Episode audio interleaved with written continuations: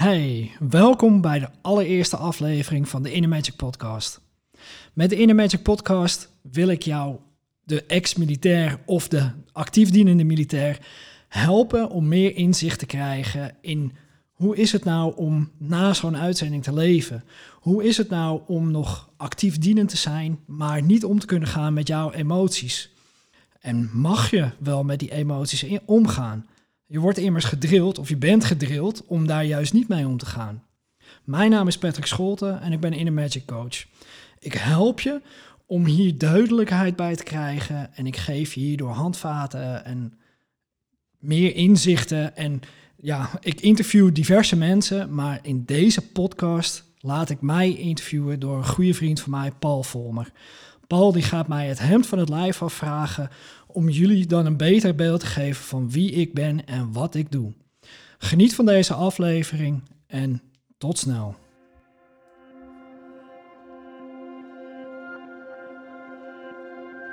Hey, welkom bij de Inner Magic Podcast. Mijn naam is Patrick Scholten en ik ben Inner Magic Coach, hypnotherapeut, spreker, trainer en healer. Dagelijks ondersteun ik mensen om meer verbinding te krijgen met zichzelf. Dit doe ik door middel van coaching, hypnose sessies maar ook door healing, zoals bijvoorbeeld Reiki. Met behulp van deze podcast stel ik je voor aan inspirerende mensen die voor jou een bron van wijsheid en motivatie kunnen zijn. Aan de hand van diverse onderwerpen zal je handvatten krijgen waardoor jij jouw inner magic weer volledig gaat voelen en gebruiken. Jouw inner magic, ofwel zelfliefde, is de sleutel naar rust, helderheid en succes. Awaken your inner magic en geniet van deze aflevering. Welkom bij de eerste aflevering van de Inner Magic podcast. Uh, je hoort nu een andere stem dan de, dan de intro. Uh, mijn naam is Paul Volmer en Patrick heeft mij gevraagd om uh, hem te interviewen voor zijn eerste aflevering. Om erachter te komen wie hij is, wat hij doet en wat hem drijft om deze podcastserie nou te gaan starten en te gaan maken. Um, eerst wil ik zeggen, Patrick, dank je wel dat ik deze ja, hot seat mag bekleden nu vandaag om jou te mogen interviewen. We zitten bij jou thuis. Voor de mensen om even een beeld te geven. Um, mengpaneeltjes, twee laptops, microfoon, headset. We, ja, we zijn gewoon radio aan het maken en dat is gewoon heel erg tof. Um, Patrick, nogmaals, dankjewel dat ik hier mag zijn en, uh, en hier ben. We kennen elkaar al even. Um, Klopt. We hebben elkaar leren kennen in Polen bij een uh, Wim Hof-expeditie. Uh, Gaan we niet helemaal op in nu. Dat is nergens voor nodig. Het, het gaat om jou. Um, mijn eerste vraag, want ik ken je al redelijk goed, de mensen die uh, nu aan het luisteren zijn. Uh, jij dus, luisteraar, jij. Die um, misschien nog niet. Patrick, stel je even voor, wie ben je en vooral, wat doe je? Nou, dankjewel Paul. Dankjewel voor de, voor de intro. Uh, nou ja, voor de luisteraars, als jullie af en toe wat raars op de achtergrond horen, dan lopen hier twee katten rond, dus weet dat. Uh, nou, mijn naam is dus Patrick Scholten. Uh, ik ben Inner Magic Coach, uh, hypnotherapeut, spreker, trainer en healer. Ik zal jullie zo meteen allemaal uitleggen wat dat allemaal precies inhoudt, maar dat komt zo wel. Um, Inner Magic Coach, dat is ja, simpelweg gezegd een lifestyle coach. Alleen ik zorg ervoor dat jij jouw inner magic weer naar boven toe krijgt. En wat is dan je inner magic? Dat is heel simpel gezegd en misschien een beetje cheesy, maar dat is jouw zelfliefde. Zelfliefde voor, voor jezelf dus. Dus ja, dat is een van de belangrijkste dingen die wij allemaal, uh, ja, die wij allemaal hebben, maar niet altijd even goed waarderen. En ik wil juist laten zien dat het echt zo onwijs belangrijk is dat je hier een respect voor hebt, maar voornamelijk ook een respect voor jezelf. Oké, inner magic coach. En je inner magic is je zelfliefde. Um, voor, voor mijn beeld. En ik, ik vind het onwijs gaaf klinken. Ik denk gelijk van wauw, um, waar, waar zit het? dat is mijn eerste vraag. Waar, waar zit die inner magic? Is dat bij je hart of is dat in je hoofd? Waar, waar gaan we dan naar kijken? Ja, het is voornamelijk in je hartregio. Je zit zeg maar bij je borst en ja, de, de onderkant van je borst, zeg maar, waar je, waar je hoe heet het zit, um, solar plexus.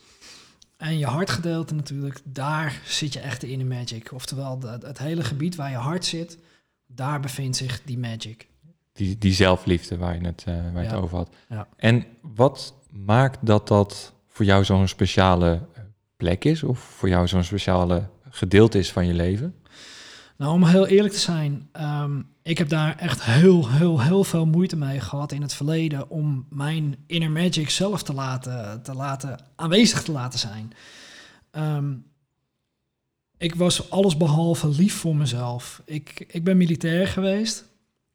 En uh, tijdens die, die tijd um, werd mij eigenlijk geleerd om steeds meer afstand daarvan te nemen. En, en ja, emoties, uh, allemaal dat soort dingen, weet je, dat, dat, dat hoorde niet. Maar nog ver daarvoor, dat ik nog een, een, een kind was, uh, ja, heb ik nogal meer dingen meegemaakt, wat ik zo meteen nog wel wil gaan vertellen. Maar ja, eigenlijk werd ik gewoon zo afgesneden om uh, van mezelf te houden dat ik altijd maar voldoening zocht bij andere mensen. Ik ging alles buiten mezelf zoeken. In de zin van, uh, oh, ik hoop maar dat hij of zij uh, mij waardeert of mij lief hebt of wat dan ook. Dan voelde ik me goed. En ik ben er dus achter gekomen dat, ja, dat, dat werkt gewoon niet. Want dan ben je iedere keer maar afhankelijk van iemand. Dan ben je bijvoorbeeld afhankelijk van je vriendinnetje. Dan hoop je van, nou, zolang zij maar van, van mij houdt, dan voel ik me goed. En dat is, dat is het niet. Want dan geloof me, iedere keer als je relatie dan uitgaat, en dat is best wel vaak bij mij gebeurd, dan ben je helemaal in zak en as, wat natuurlijk wel mag, maar ja, niet dat je eigenlijk dan neiging krijgt om er een eind aan te maken, bijvoorbeeld. Oké, dus je hebt een, een, een, in je jeugd, je hebt wat krassen opgelopen, om even, even zo te zeggen. Ja. Daar komen we zo nog even dan op terug. Je bent militair geweest. Ja. Um, wat voor een functie of rang, of ik ben er niet zo mee bekend. Wat, uh, wat, wat deed je bij het leger? Um, ik werkte bij, uh, bij de landmacht, om precies te zijn. En ik uh, zat daar bij de verbindingsdienst. verbindingsdienst is telecommunicatie en ICT. Ehm, eigenlijk is tegenwoordig is het echt um, ja, de ICT-omgeving die je op kantoor kent, alleen dan in het bos of in een uitzendgebied. daar was ik, mijn, mijn eindrang, dat was corporaal eerste klas. Ik heb uh, ook nog een opleiding gedaan, of daar was ik mee begonnen om uh, leidinggevende te worden, dus sergeant. Ik heb dat toen niet door, doorgezet vanwege persoonlijke omstandigheden in die tijd. En eigenlijk dat ik ook zoiets had van defensie, dat past niet meer bij mij. Dat, dat, dat, ja, het sluit niet meer aan bij wie ik was op dat moment. Oké, okay, dus je was gewoon, je zat op kantoor, maar met een mooi uitzicht. Ja, zoiets. ja, ja. Oké, ja. oké. En um, maar voordat je um, het leger inging, maar de, de, kat springt even op schoot. nee, dus voordat je het leger inging, um, hoe, hoe was jij? Wat was er toen al iets bekend bij, bij jou in gedrag, in gedachten, dat, dat dit een, een uiteindelijk resultaat zou zijn met dat, dat waar je nu bent? Waren daar al signalen van? Nee, absoluut niet. Nee, um, ik was eigenlijk vroeger Um, ja, als ik moet geloven wat anderen over me zeiden, uh, ik zag er goed uit, ik, ik, was gezellig in de omgang, maar zo voelde het voor mij totaal niet. Ik was uh, heel erg verlegen, ik was heel erg teruggetrokken en het was echt, ja, ik maakte mijn eigen leven, maakte ik eigenlijk vaker een hel dan dat ik plezier had. Maar ik had dat helemaal niet door. Ik had gewoon geen, geen duidelijk beeld daarvan. Ik zag mij uh, in zo'n negatieve zin, zoals anderen mij totaal niet zagen. Snap je wat ik bedoel? Mm. Maar wat is dan de reden dat je... Um, je bent bij Defensie gegaan. Wat, wat, wat, was daar dan de reden van? Was dat een, was dat een vlucht voor iets? Was dat een, een masker wat je optrok? Was dat... Ik, ik ben die stoere jongen. Want daar, ik, ik hoor ergens iets in je stem en in je verhaal van... Dat daar, en ik wil niet sturen, en als het niet zo is, moet je het ook zeggen. Maar ergens hoor ik dat daar een, ja, een soort van pad werd neergelegd voor je. Ja. Um, ik. Um, heel veel mensen, als ze als kind zijn, dan hebben ze echt zo'n beeld van: oh ja, ik wil dit worden. Uh, heel veel die hebben dus al van, nou, ik wil militair worden, want uh, gaaf. Ik had dat helemaal niet. Ik speelde wel eens oorlogje of zo, maar ik was daar helemaal niet mee bezig. Uh, ik wou juist elektricien worden. Want ik, ik vond het leuk om met mijn handen bezig te zijn. En nou ja, heel verhaal, bla bla bla. Maar eigenlijk, um, ja, eigenlijk wel goed wat je, wat je, wat je zo zegt. Ik, uh, ik had zo dat ik een jaartje of uh, 18 was. Toen had ik een aantal vrienden van me. we zaten toen in ons examenjaar. En die vrienden van me, die, die, die hadden allemaal zoiets van... Ah, ik wil wat anders gaan doen dan de anderen. Ik wil niet nog een keertje naar school. En ik ga naar de landmacht. Nou, toen had ik ook eigenlijk wel zoiets van, oh ja, het is wel gaaf. Het lijkt me ook wel wat. Maar nee, ik ga nog naar het mbo. Ik wil, ik wil een opleiding doen. Want ik dacht van, uh, dat, dat is de shit. En dan kan ik tenminste uh, goed geld gaan verdienen. Nou ja, um, uh, ik ben naar de mbo gegaan. ik kreeg een, een scooterongeluk, schedelbasisfractuur aan overgehouden. En ik was heel erg eigenwijs ik wou doorleren, want ik zat in mijn, uh, in mijn uh, uh, einde van het semester en ik wou mijn tentamens halen, noem het allemaal maar op. Dus ehm, ik werd thuisgebracht door, door de ambulance. En um, ja, er werd tegen mij gezegd van ja, meneer Scholten, je moet nog twee weken in bed blijven. Nou ja, heel lang verhaal. Uh, niet naar geluisterd. Ik ben naar school toe gegaan, uh, kreeg blackouts, waardoor ik dus eigenlijk gezeik kreeg met, uh, met leraren. Die geloofden me niet, terwijl ze bij mij in het ziekenhuis waren geweest. En die vrienden van me die dus naar de landmacht toe waren gegaan, die, ja, ik hoorde zo vette verhalen daarover. Dus ik had toen op een gegeven moment zoiets van, nou, fuck school, ik ben er klaar mee. Ik, ik geef het op. En ik ga ook naar de landmacht. Nou, toen ben ik uh, door de keuringen heen gegaan. En uh, wonder boven wonder, want ik was eerlijk geweest over mijn schedelbasisfactuur, werd ik aangenomen. En uh, in april 2000, ja, in april van 2000 ben ik toen opgekomen. En toen begon voor mij de AMO, de Algemene Militaire Opleiding. En wat, um, wat leer je daar zoal? Wat, wat, wat ben je als je die, die, die AMO gedaan hebt? Nou ja, eigenlijk leer je daar uh, het gevorderde militairtje spelen. Hè? Dus wat we vroeger deden, dat we dan uh, pow, pow, pow, en allemaal dat soort dingen. Alleen dan leer je dat met echte wapens. En Vet. Ja, eigenlijk leer je dan dat je, dat je uh, de basisprincipes van een militair zijn. dus hoe je moet reageren op alarm. wat te doen als er een gasaanval komt. nou, noem het allemaal maar op. En natuurlijk ja, je eerste vaardigheden met het wapen, leren schieten. Ja, cool. Ja, ja zeker. AMO. Nog één keer de afkorting. Algemene Militaire Opleiding. Ja, en het afgeleid van MO of hè, A-N-N-O van munitie. Ja, mijn ja, je, zou, je zou die linken dan leggen inderdaad, maar nee. Mijn gedachte gaat heel snel dan die kant op. Maar oké, ja, misschien, je bent misschien wel die kogel die door die oorlog heen schiet, hè? Ja. Dus je weet het niet. Oké, dus je hebt die, die AMO gedaan, je bent algemeen militair dan. Door, hè, je hebt die opleiding. En dan, wat, ga je, wat, wat, wat, wat ben je dan? Ja, ja, zoals je het zegt, algemeen militair. Ehm, maar na die algemene militaire opleiding komt er altijd een, uh, een, een, een, vervolgopleiding. Uh, tijdens de keuring werd al gevraagd van, nou, weet je wat je wil? Nou, ik had toen de tijd dus vrienden die zaten bij de verbindingsdienst. En die zeiden van, ah, dan ben je lekker bezig met techniek. Nou, en ik had toch nog zoiets van, nou, ik, ik zat op het mbo, ik deed telematica. Dus eigenlijk wil ik wel verder met techniek. Nou, toen dacht ik van, nou ja, oké, ik ga wel bij de verbindingsdienst, want dan ben ik nog lekker bezig. Nou ja, dat was ook een illusie, maar daar komen we later nog wel Oké, oké. Dus, dus, dus je kiest dat stukje. Ja. Um, ja, dan ga je dan de, de functieopleiding, zoals dat dan heet. En dan word je opgeleid om uh, ja, met, met communicatieapparatuur om te gaan. Um, ik ging met uh, de, de straalzender, dat heette toen de tijd uh, Zodiac systeem. Um, ja, daar, daar ging ik de antennes leren, de radio's uh, afstellen en allemaal dat soort dingen. Echt de technische dingen. Maar ik dacht van, ik ga ook met die apparatuur sleutelen. Nou, dat was dus de illusie. dat ging niet gebeuren, want daar hadden ze weer andere mensen voor. Ja, oké. Ja. Was er iets in jou dat je dacht van, ik wil infanterie gaan doen, ik, wil, uh, ik ben er niet mee bekend, hè? dus als ik hele rare dingen zeg, dan, dan moet je het maar gewoon ik accepteren van ja, Of je wil eh, een tank besturen, of je wil, uh, ja, paard en wagen hebben we niet meer, maar je, je wil in ieder geval op die frontlinie zijn. Dat ambieerde je niet terwijl je het leger ging? Nee, nee, eerlijk gezegd had ik echt zoiets, ik was helemaal gefocust op die techniek. Ik wilde, ik wilde met mijn handen bezig zijn. En eh, ik wilde toch het militaire leven wil ik wel meemaken, maar dan toch wel op een beetje een veilige afstand. Okay. Een, een verbindelaar die, die zit niet uh, op de frontlinie. Maar ja, desondanks, als, er, als er oorlog zou komen en je, wij zouden ingezet worden, dan zijn wij wel het eerste punt wat aangevallen wordt. Want ja, dat is wel het zwakste punt. En dat wil de vijand wil communicatie als eerste uitschakelen. Dus ah, Eigenlijk sta je gewoon vooraan.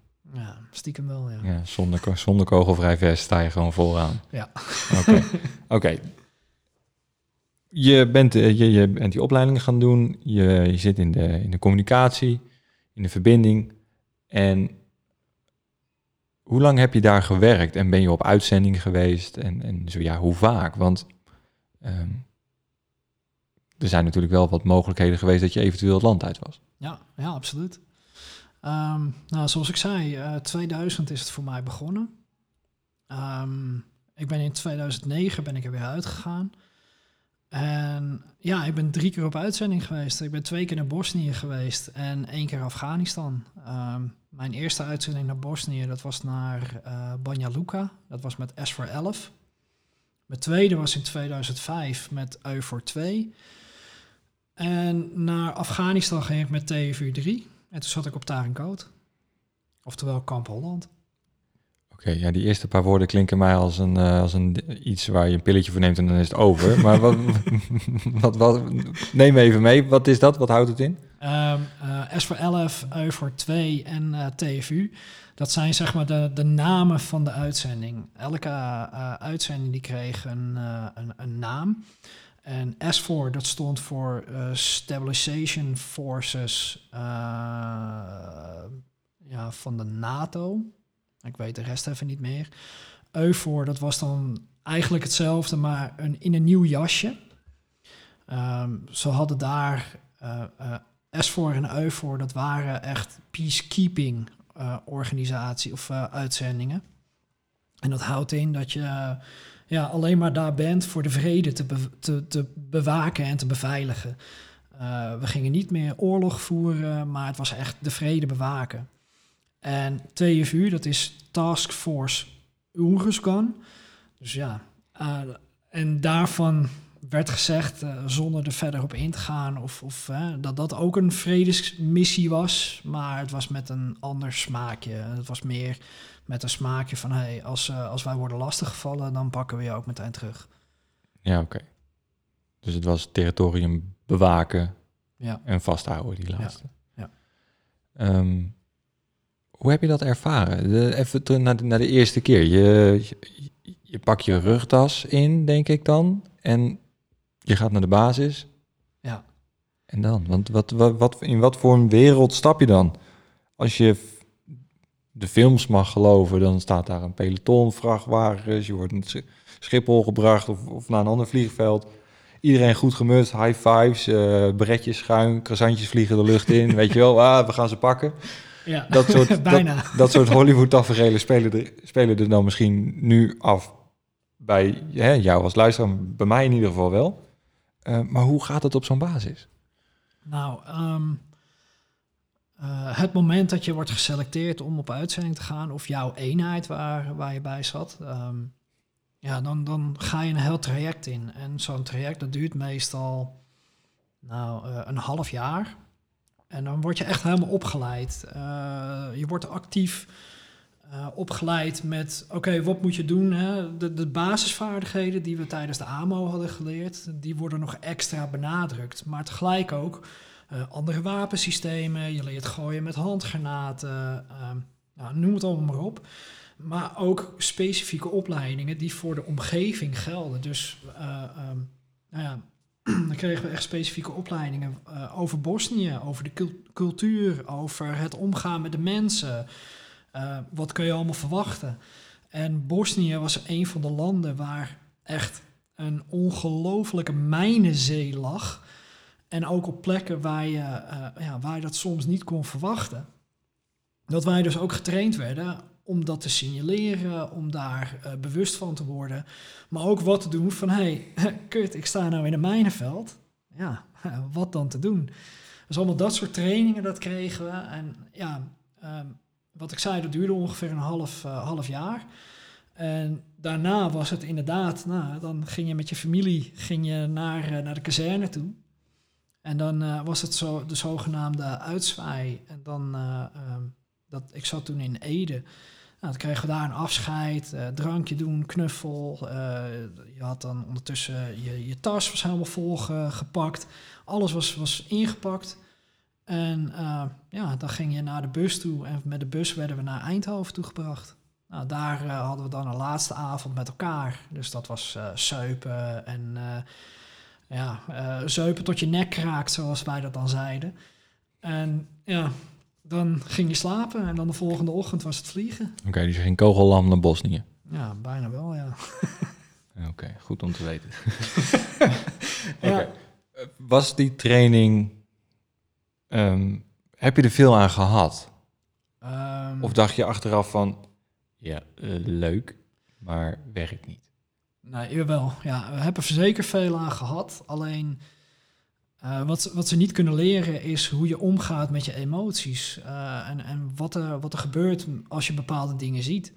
Weet je, dat, ja, ze, ze laten je films zien, ze laten je foto's zien, maar dan krijg je, dat is geen echte indruk als, als je daar echt bent, als je echt dat voelt, als je daar echt in die omgeving zit.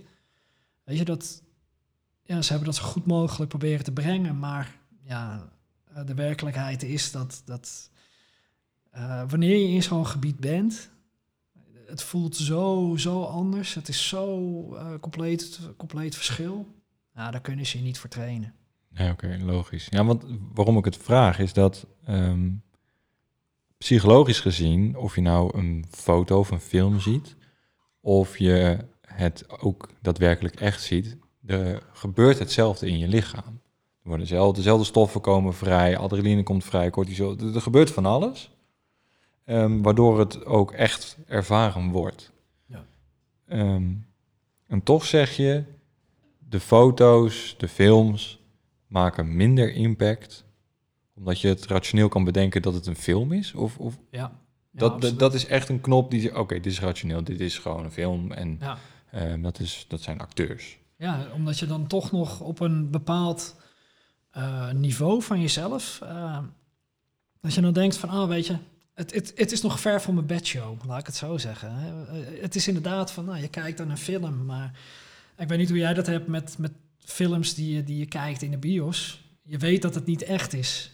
Soms kan je helemaal in het verhaal meegaan, maar toch, je weet dat het niet echt is. En met die films die wij dan hadden gezien tijdens de opleiding, of de foto's of de, de, de instructies, ja, je weet dan wel dat het echt is, maar toch, het is niet dichtbij. Weet je, je krijgt niet dat gevoel. Nee, oké. Ja.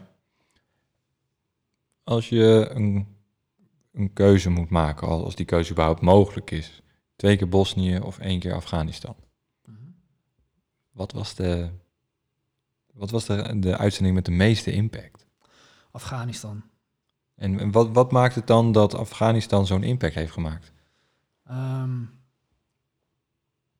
ja, het, het, het complete verschil van, um, van hoe de mensen leven. Het was echt een. een uh, de, de omgeving daar in Coot, dat is gewoon zo primitief. Daar heb je echt gewoon nog uh, uh, woningen die van klei gemaakt zijn. En Bosnië, dat is, ja, ondanks dat het helemaal aan Vlarden geschoten was, of in ieder geval grote delen wat ik heb gezien, stonden er wel gewoon moderne uh, woningen, fabrieken en allemaal dat soort dingen. En in Afghanistan had je dat gewoon niet. Je had papavervelden of andere velden waar dingen op, op verbouwd werden. Maar ja, de woningen, dat waren echt allemaal klei. En in ieder geval in het gebied waar ik zat. Hè, uh, ik, ben, ik ben aangekomen in, in Kabul. Of nee, Kandahar, sorry. En ja, daar had je wel wat meer modernere bebouwing. Maar ja, dat dat ik in Tarinkoot kwam, was het echt zo van, wow, ik ben terug in de middeleeuwen. Dat was wel eventjes een dingetje. En daarnaast ook um, uh, dat ik aankwam met mijn collega's daar. We werden gedropt door een, uh, door een Chinook helikopter. En nou, alle spullen bij elkaar. En toen kregen we de, de slaapplek. Kregen we. En toen was het van, nou, ga maar naar jullie kamer toe. En, en pak jullie shit maar even uit. En zoek het even uit. Uh, toen uh, ging ik samen met mijn kamergenoten naar het, naar het hok toe waar we gingen slapen. Dat was een, een zeecontainer, maar dan gepanzerd. En ik lag op mijn bed en ik deed mijn ogen even dicht. En in ene ging er een, een, een, een kanon af. een panzerhouwitser. Nou, alles dat stond te trillen. En het was meteen zo van... Wat gebeurt hier? Wat de hel? Wat is dit?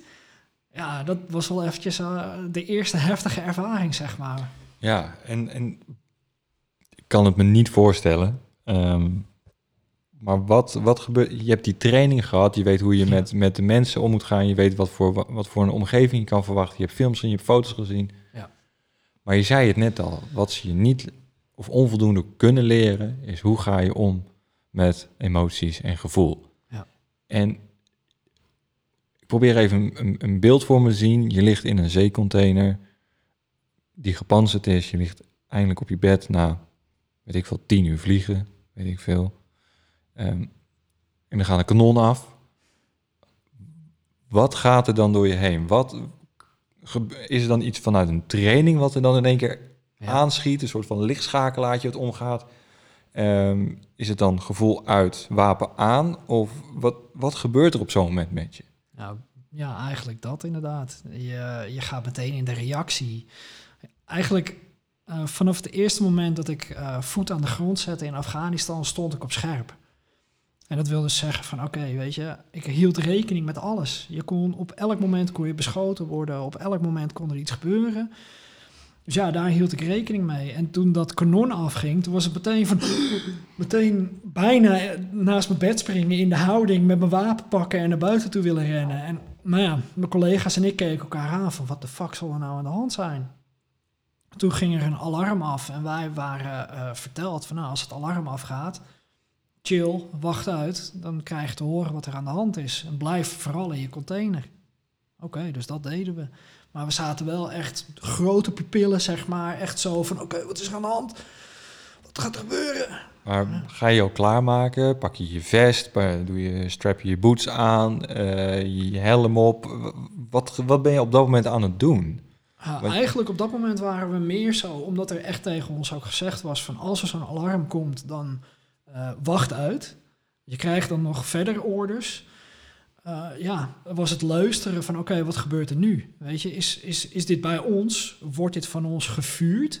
Of is er, zijn wij onder, onder aanval? En dat Jullie hadden dat soort wapens wel op de basis daar staan? Ja, wij hadden, dat stond dan vlakbij uh, bij, het, uh, bij de container waar ik sliep. Daar stond dus de panzerhouwitser en dat is echt een gigakanon.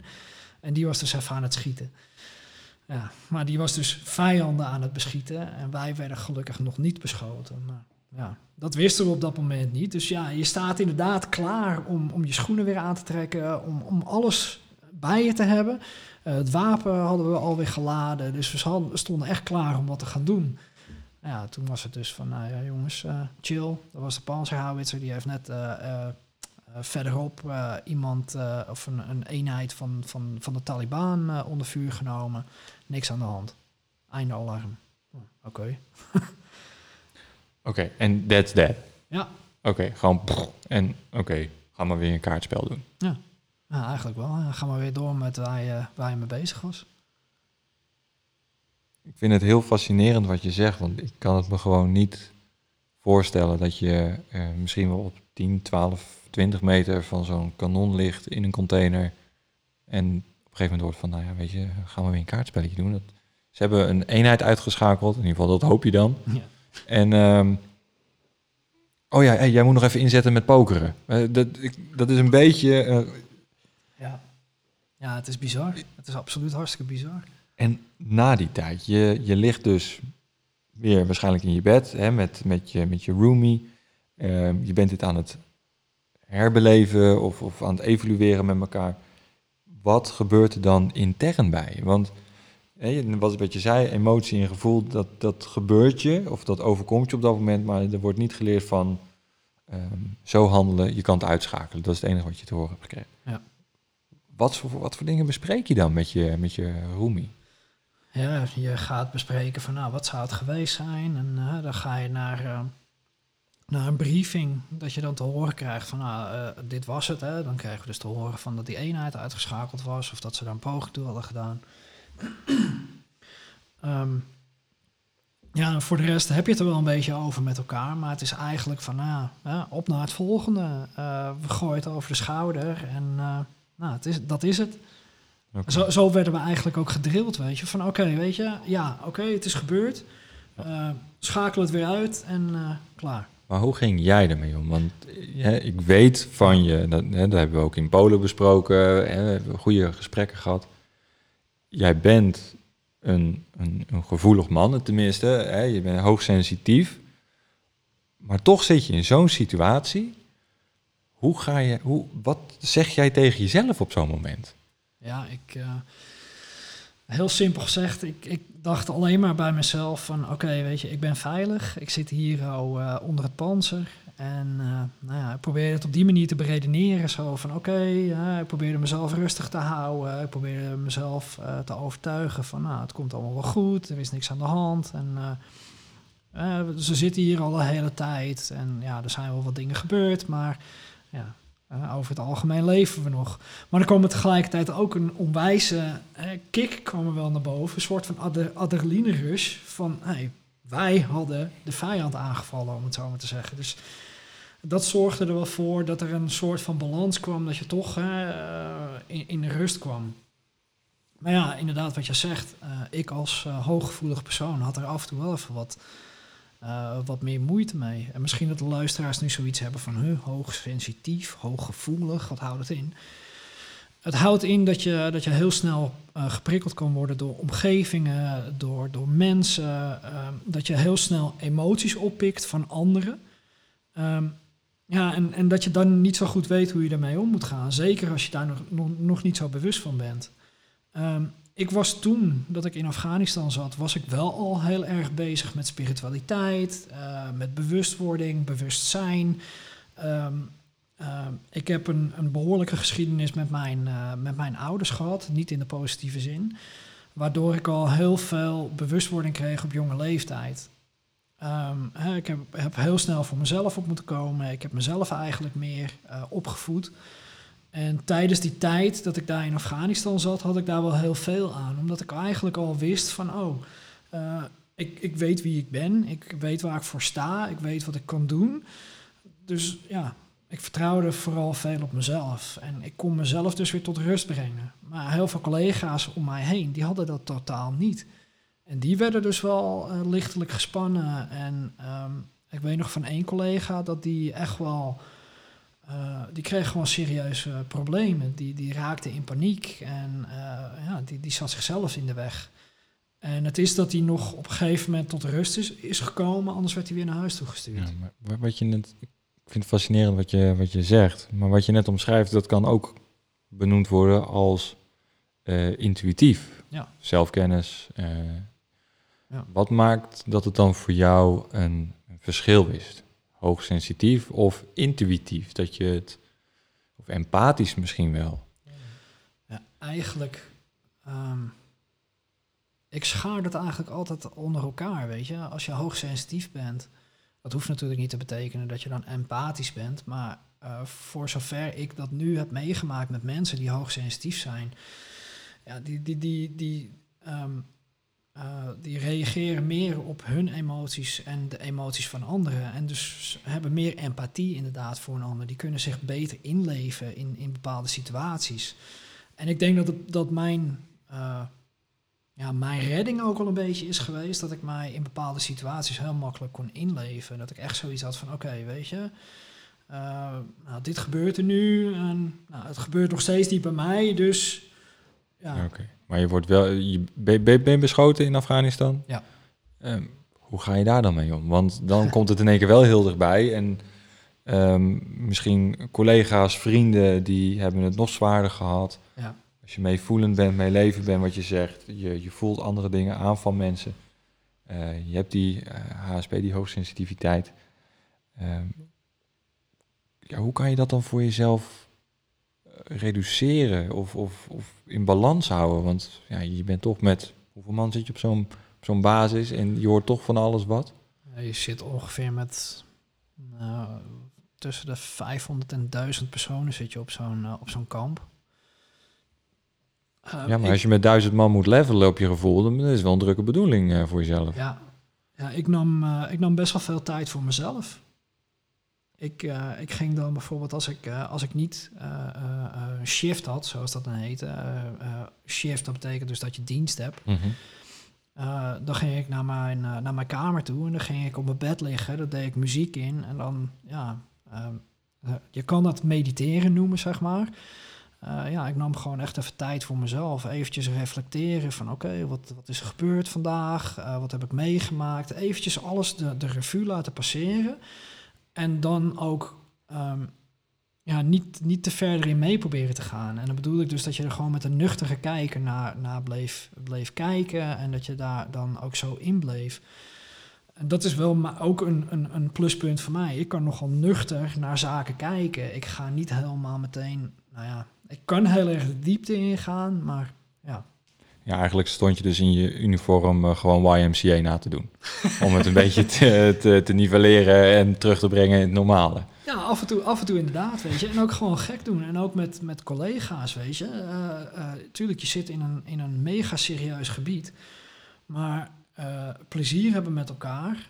dus inderdaad, wat je net zo noemde, het kaartspel ja, ik, ik ben niet iemand van het kaarten, maar mijn collega's wel. Die gingen pokeren, uh, sporten. Nou, dat deed ik dus ook heel veel daar. We hadden een gym en nou, ik was elke dag was ik wel in die gym. Ik ging, ik ging bewegen, ik ging mijn hoofd met andere dingen vullen dan met de shit die aan de hand was. Ja, snap ik. Logisch ook. Hey, maar voordat we heel erg induiken op, op missies in Afghanistan, wat onwijs interessant is, uh, misschien voor een volgende aflevering om hier ja. Eh, dieper op in te gaan. Maar je komt thuis. Ja. Je, je bent op uitzending geweest, je hebt verschrikkelijke dingen gezien. Verschrikkelijke dingen meegemaakt, gehoord, gezien, gevoeld misschien wel van binnen. En, en dan? Ja, en dan? Is het dan een zwart gat? Is het dan broederschap met collega's? En, en uh, waar zit je?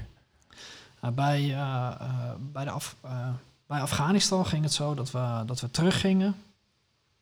maar we gingen eerst naar, naar Kreta, Griekenland, Kreta. En daar hadden we zeg maar een aantal dagen om weer te acclimatiseren. Oftewel wennen aan het normale leven. En hoe lang moeten we dan, hoe lang moet ik dan denken? Een week, twee weken? Ehm, ik dacht, ik weet het niet meer zeker, maar ik dacht dat het een week was. Dus zaten we een week zaten we op Kreta. Hoe lang was je in Afghanistan? Ik was uh, vijf maanden was ik okay, in uh, Vijf maanden in een gigantische zandbak met heel veel ellende om je heen. En dan in een weekje... Ja, wordt weer van je verwacht dat je normaal bent. Wordt weer normaal. Ja, ja. Wauw. Ik, uh, het eerste wat ik deed was samen met mijn buddy kwam ik op de kamer. En ik zag dat, ze, dat er een bad was. Ik had het bad aangezet. Ik heb het gevuld met water. En ik ben in het bad gegaan. En ik ben lekker gaan chillen. En echt ik zei tegen mijn, tegen mijn buddy van, hey gast, uh, wat jij ook wil gaan doen, doe het lekker, maar uh, ik ben hier. Uh, en het overgrote deel van mijn, van mijn toenmalige collega's, die zijn allemaal Kreta onveilig gaan maken, letterlijk en figuurlijk. Die zijn gaan zuipen, al hun frustraties hebben ze eruit gegooid, een, een bardancing hebben ze gesloopt. En ja, en er waren op dat moment waren er ook mariniers uh, of nou, niet de mariniers, maar uh, mensen van de marine. En landmacht en marine, dat is uh, überhaupt landmacht, marine, luchtmacht, dat is altijd. we werken voor dezelfde baas, maar we hebben altijd wel zoiets van eventjes laten zien wie de baas is. eventjes haantjesgedrag en allemaal dat soort dingen. Dus ja, toen kwam er ook een gevecht tussen collega's van de landmacht en de marine. En jij lag in je bubbel. En ik lag lekker in mijn badje, inderdaad, lekker te chillen. Ja. Maar kan je zeggen dat je na een week weer, even de zaak is, normaal bent? Uh, voor mij, uh, als ik naar mijn persoonlijk keek, ja, ik wel. We, tijdens, die, die, die, die, tijdens die week werden er ook gesprekken gehouden door psychologen. Werd er gevraagd wat je allemaal had meegemaakt. Nou ja, ik, ik ben één keer beschoten geweest en ik heb meegemaakt dat ja, dat ik, dat ik uh, gezien had dat er collega's over een IED, zo'n uh, zo'n explosief, uh, waren gereden. Um, ja, het, het viel bij mij eigenlijk allemaal wel mee. Maar ik had het ook heel erg mee dat ik dus zo nuchter naar bepaalde zaken kan kijken. En dat ik dus al heel erg bewust ermee bezig was. Voor mij was het traject eigenlijk echt van oké, nou ja, ik mag weer naar huis en ik, eh, ik, ben weer, eh, ik ben weer chill. Ik zit weer lekker in mijn element. Ik heb ook nergens last van gehad. Maar ja, andere collega's die, uh, die zaten behoorlijk vast. En die hadden echt wel meerdere sessies nodig. Ook dat ze weer in Nederland waren met psychologen. En ja, ga zo maar door. Ja. Kunnen we zeggen dat jouw um, inner magic dat dat principe wat je eigenlijk nu verder uitdraagt en hebt ehm, eigenlijk wel hebt geperfectioneerd, dat dat daar is ontstaan in, in die drie uitzendingen en in de tijd tijdens uh, je dienstjaren? Ja, ik denk het wel, ja. ja.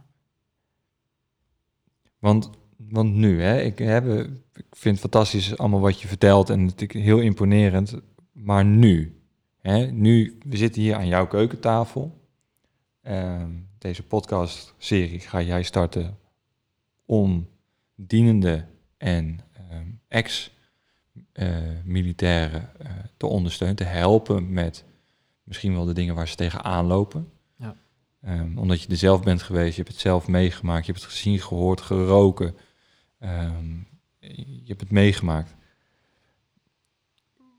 Waar ben je achter gekomen wat, voor, wat nou die inner magic wat dat, wat het aangaat, wat het aanslaat, waardoor dat naar boven kan komen en mag komen. En dat het, dat het weer, weer gaat bloeien in plaats van dat het een, een, een doorstukje land is misschien wel.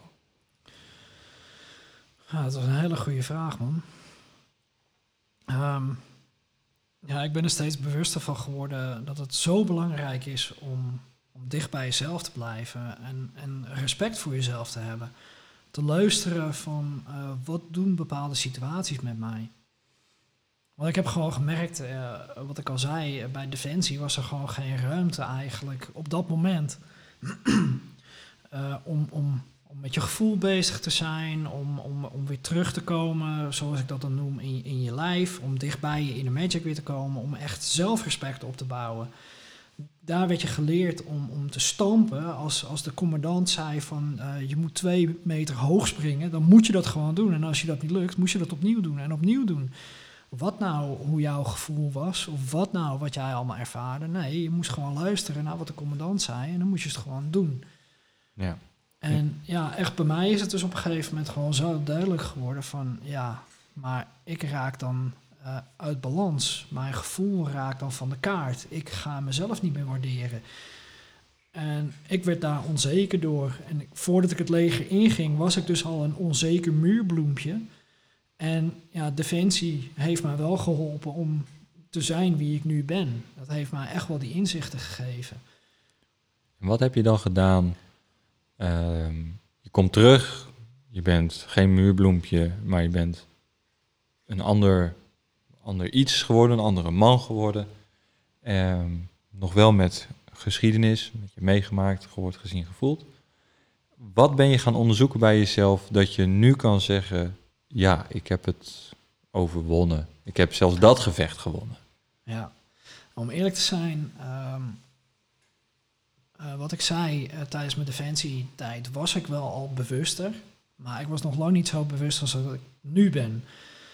En Ehm, eigenlijk nadat ik uh, wegging bij Defensie, toen ben ik uh, echt een tijdje later, in 2009 ben ik eruit gegaan zoals ik zei. En 2015 ben ik begonnen met persoonlijke ontwikkeling.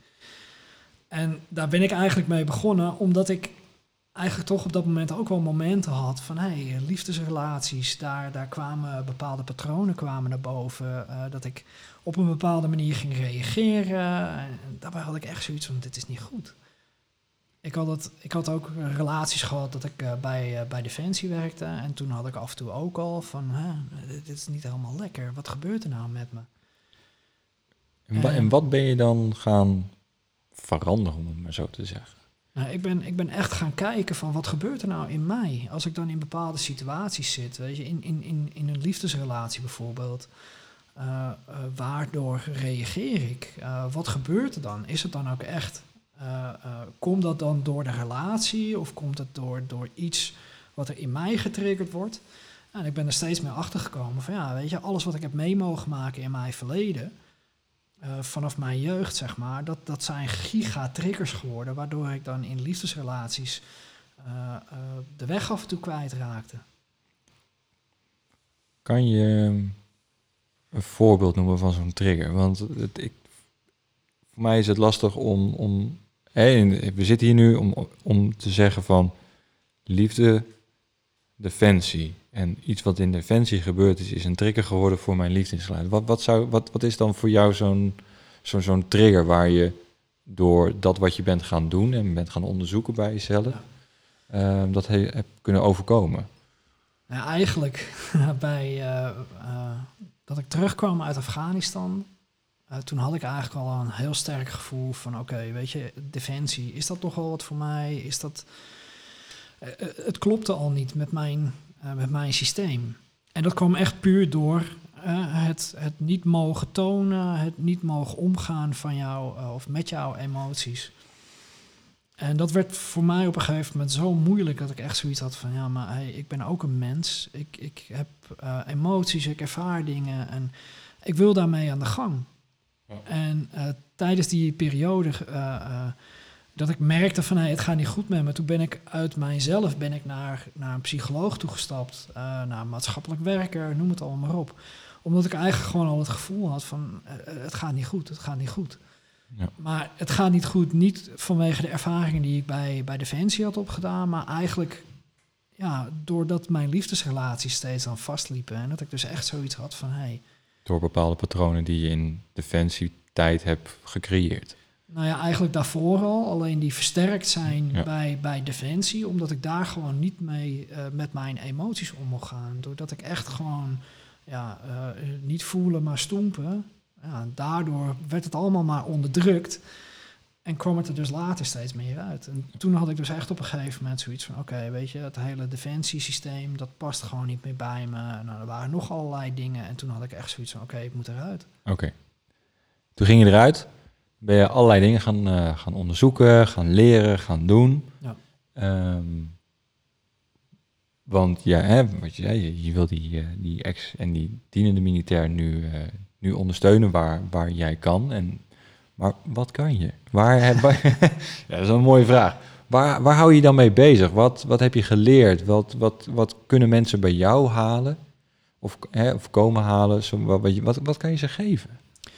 Nou, ik, uh, zoals ik uh, aan het begin zei, ben ik hypnotherapeut. Um, ik ben een spreker. ik sta soms voor, voor, voor mensen te spreken op een podium. dan geef ik ze ja, een soort van, ehm, hoe noem je dat ook weer? Wat, wat, keynote. Ja, keynote of hm. wat Michael Pilogic bijvoorbeeld doet. dat hij ja, positief praat, al dat soort dingen.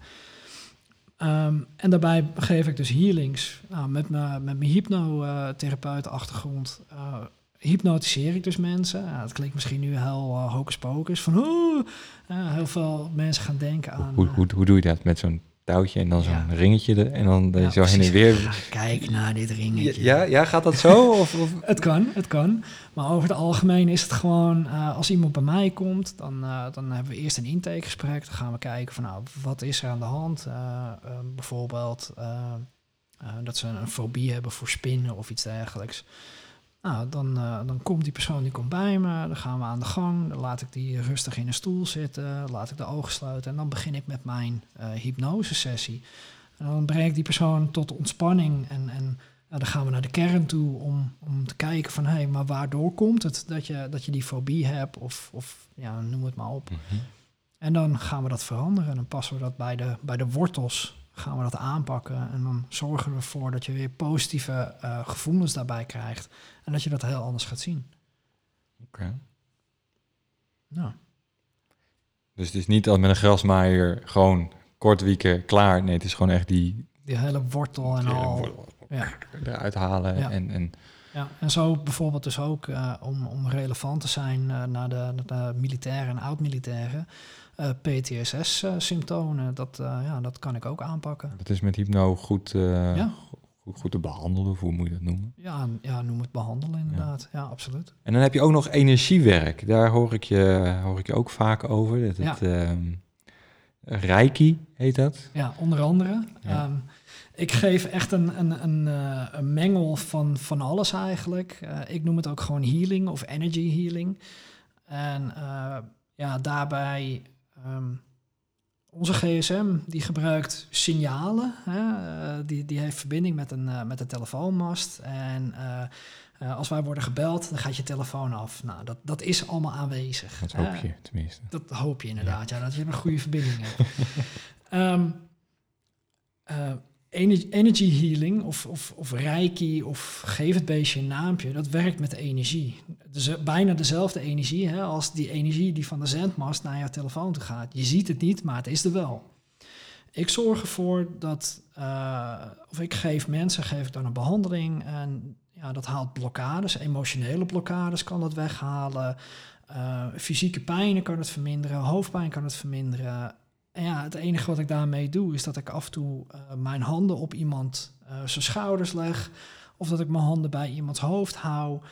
Uh, ja, of dat ik gewoon alleen al naast die persoon zit. En dat ik dan een soort van ja, combinatie van een hypnosessie, meditatie, nou, noem het maar op. En dat ik dan die persoon er doorheen geleid. Dus de vragen die ik nu bedacht heb in mijn hoofd, die heb jij eigenlijk gewoon erin geplemd. Ja. Oké, okay, dus oké. Okay. Nee, goed om te weten dat dat gewoon zo gaat dan. Want dan weet ik in ieder geval waar ik, als ik dit terugluister, dat ik uh, dat het zo gegaan is. Nee, oké. Okay. Dus, dus. dus nee, oké. Je, je doet dus van alles om, om hem met, met energiewerk, uh, met hypnowerk, help je eigenlijk uh, mannen, vrouwen, ja. voornamelijk mannen, maar hè, vrouwen, vrouwen mogen ook natuurlijk. Uiteraard. Ja, uiteraard. Die help je om vanuit een terugkomst van eventueel een uitzending of een trauma, of een trauma, of, ja. eigenlijk dat te overwinnen. Misschien is overwinnen niet eens het goede woord om te gebruiken, maar je. Het is, het is meer uh, dat ik ze help om, uh, om weer uh, connectie te krijgen met zichzelf. En connectie met zichzelf te krijgen, dat betekent echt van. Um, uh, dat jij een klein kind was, was je, was je onbevangen, genoot je van bijna alles. En om, om dat bewustzijn weer terug te krijgen, die zelfliefde, die inner magic, ja, daar help ik je mee om dat weer goed in balans te krijgen. Oké. Okay. En hoe doe je dat? In de zin van, um, je hebt net gezegd wat je doet, -hmm. maar hoe um, gaat dat dan op een één op één gesprek gewoon fysiek? Of doe je dat, uh, doe je dat online? Of doe je dat in de natuur? Of um, ga je terug naar dat bad waar je op Kreta hebt gelegen? Neem je mee op vakantie? wat, wat, wat doe je? Uh, ik, op dit moment, uh, een uh, groot deel van de coachingstrajecten die ik aanbied, die zijn online. Dus dan heb ik via Zoom heb ik dan verbinding met iemand. En dan gaan we, ja, dan snijden we het onderwerp aan waar op dat moment de, de cliënt mee bezig wil zijn. Een healing geef ik ook op afstand, dus ook via de computer, om het zo maar te zeggen, via internet. Um, via wifi. ja, inderdaad, via de wifi. ja, um, maar ik doe ook, uh, ook fysiek inderdaad. Uh, er zit in, in, in een aantal van mijn coachingstrajecten dat ik inderdaad één op één coaching geef in de, in de fysieke vorm. Dus dat ik met mensen hier bij mij thuis in mijn praktijkruimte aan huis afspreek. Of als het lekker weer is, dat we dan inderdaad een wandeling in de natuur gaan maken. Ja, en ik kan dus inderdaad ook dan healing hier geven. Dan komt iemand naar mij toe. Dan kunnen ze lekker hier in de, in de, in de ontspanning komen. Gaan ze lekker liggen op mijn behandeltafel. En dan is het voor hun lekker ontspannen. En uh, dat doe ik De katten erbij? Of, of? Oh ja, als, als ze dat oké okay vinden, dan zijn de katten er ook zeker bij. Ja. Dat zijn echt zulke, zulke schatjes. Ja. Dat, uh, ik vind het leuk trouwens, ze zijn ook niet hier geweest. Ze zijn, ze zijn rustig. Ja, ze zijn hartstikke rustig. Ik, uh, nou ja, ze voelden ze voelde gewoon dat ze weg moesten blijven. Ja, gewoon precies. voor goed iets. Ja, ik hey. heb ze ook gewoon gehypnotiseerd. Oh, dus. dat is het. Juist, ja. oké. Okay. Zonder dat ze door hadden. Ja, precies. AVG'tje getekend? Nee, ah, nee, nee, nee oké. Okay. Hey, um, maar even, ik, ik vind het fantastisch wat je doet, dat weet je. Um, ik hoop dat mensen een mooi beeld van je hebben gekregen, wie je bent en wat je doet. Maar de podcast. Ja. Um, wat is je idee met de podcast? Ja, met de podcast wil ik echt, uh, uh, ik wil mensen interviewen bijvoorbeeld. Uh, ik ga jou ook interviewen binnenkort. Ja, om, om, om, om mensen zo te laten zien en inspiratie te, te, te, te, te geven. Ehm, ja, om bepaalde onderwerpen aan te kunnen pakken. Hè. Voor mij is natuurlijk de leidraad de inner magic, dus de zelfliefde, om dat uh, uh, weer meer naar boven toe te krijgen. Ja, en met deze podcast wil ik dan door middel van de interviews de luisteraars de kans geven dat ze ook andere kanten zien van andere mensen, van andere ervaringsdeskundigen, van ja, noem het allemaal op. Okay. In mijn planning staat ook om oud-militairen uh, te gaan interviewen, om, uh, die, die van zichzelf weten dat ze ook hoogsensitief zijn, hoe zij dan met, uh, met die dingen zijn omgegaan. Op mijn planning staat ook bijvoorbeeld het Veteraneninstituut, hoe, ze, hoe zij omgaan met veteranen, nou, noem het allemaal maar op. Ja, oké. Okay. Ja, gaaf. frequentie. Hoe, wat, wat, wat heb je daar een beeld van, een idee van? Hoe vaak komt er een aflevering online? Ga je, ga je zelf nog los van interviews, afleveringen opnemen? Um, ja, mijn intentie is eigenlijk om één keer per maand een aflevering te gaan, uh, te gaan uh, uh, uitbrengen. Alleen ik denk dat deze aflevering, en ik heb toevallig ook een andere aflevering al opgenomen met een, met een gast, Robert Bridgman. Dat ik die best wel kort na elkaar ga, ga live brengen. Omdat ik zoiets heb van ja, dan leren de mensen mij meteen kennen en dan krijgen ze meteen een waardevol interview. Maar mijn intentie is dus om het één keer in de maand te gaan doen. En uh, ja, dat dus. Oké. Okay. Okay. Ja. En dan één keer in de maand een gast? Of is het één keer in de maand een aflevering en dan is het of een gast of dat je zelf. Nou, ik denk uh, voornamelijk met een gast. Oké. Okay. Ja, het zou zomaar kunnen dat ik zelf in een onderwerp heb van, nou, daar wil ik over vertellen, dan doe ik dat. Oké. Ja, cool. Um, ja, we kunnen eigenlijk nog uren doorpraten. Dat is, dat is, dat is het probleem niet. um, maar we zitten al uh, bijna op een uur, dus we, hè, we, moeten eigenlijk wel een beetje gaan afronden. Is er nog iets wat je kwijt wil? Iets wat ik in mijn vlaag van verstandsverbijstering tijdens, tijdens het opnemen van deze podcast vergeten ben? Uh, wat wil je nog kwijt? Gewoon een laatste keynote van this is it. Ja, het is onwijs lastig om in deze maatschappij, uh, vooral in deze tijd, de, de coronatijd, om um, ja, te, te, te, genieten en, en uh, verbinding te zoeken met andere mensen. Um, onthoud, dit is maar een tijdelijk iets. Dit gaat voorbij.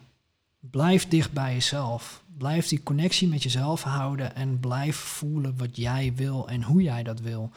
Dat is zo onwijs belangrijk. Um, wat iemand anders van jou vindt, dat is, niet, dat, dat is niet het einde van de wereld.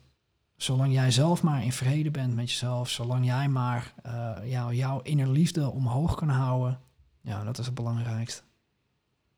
Dat zijn uh, mooie woorden en hier wil ik dan ook uh, mee afsluiten, want hierna kan ook niks meer gezegd worden.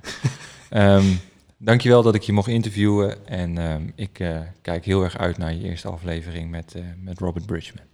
Dankjewel Paul en uh, echt geweldig dat je me zo hebt geïnterviewd en ja, top. Dankjewel man. Yes, dat was het dan. De allereerste aflevering van de Inner Magic podcast, waarin ik geïnterviewd werd door Paul Volmer, een goede vriend van mij. Ik hoop dat je nu een uh, helderder beeld hebt gekregen van wie ik ben en wat ik doe. Mocht je toch nog nieuwsgierig zijn, ga dan naar mijn website. Mijn website vind je op patrickscholten.com. Op mijn website heb ik een, uh, een, een menu gedeelte uh, dat heet gratis. En in dat menu kan jij ook een helderheidssessie boeken. Een helderheidssessie is een gratis en vrijblijvende sessie van 30 minuten. Waarin jij een vraag aan mij kan stellen um, ter ondersteuning van jou. Uh, als je bijvoorbeeld echt een, een, vraag hebt waar je de hele tijd al mee zit. Uh, ja, waardoor, waarop jij coaching wil hebben, dan kan je die aan mij stellen. Of we gaan samen, gaan we gewoon in gesprek. Dan gaan we kijken hoe het uh, gesprek loopt. En tijdens dat gesprek kunnen we altijd bepaalde uh, punten aanhalen waar jij graag ja, aandacht aan zou willen besteden. En zo gebruiken we dit gesprek dan ook om uh, te kijken of er een bepaalde klik is tussen ons, zodat wij eventueel een coachingstraject met elkaar kunnen, kunnen gaan starten. Nou, ik wens jou een onwijs fijne dag. Ik zat te denken van, ja, wat zou ik je nog meer kunnen vertellen, maar ja, sta vrij om contact met mij op te nemen via mijn website of via het platform waar, waar jij deze podcast op luistert. En ja, nogmaals, een hele fijne dag en geniet en leef in liefde en licht.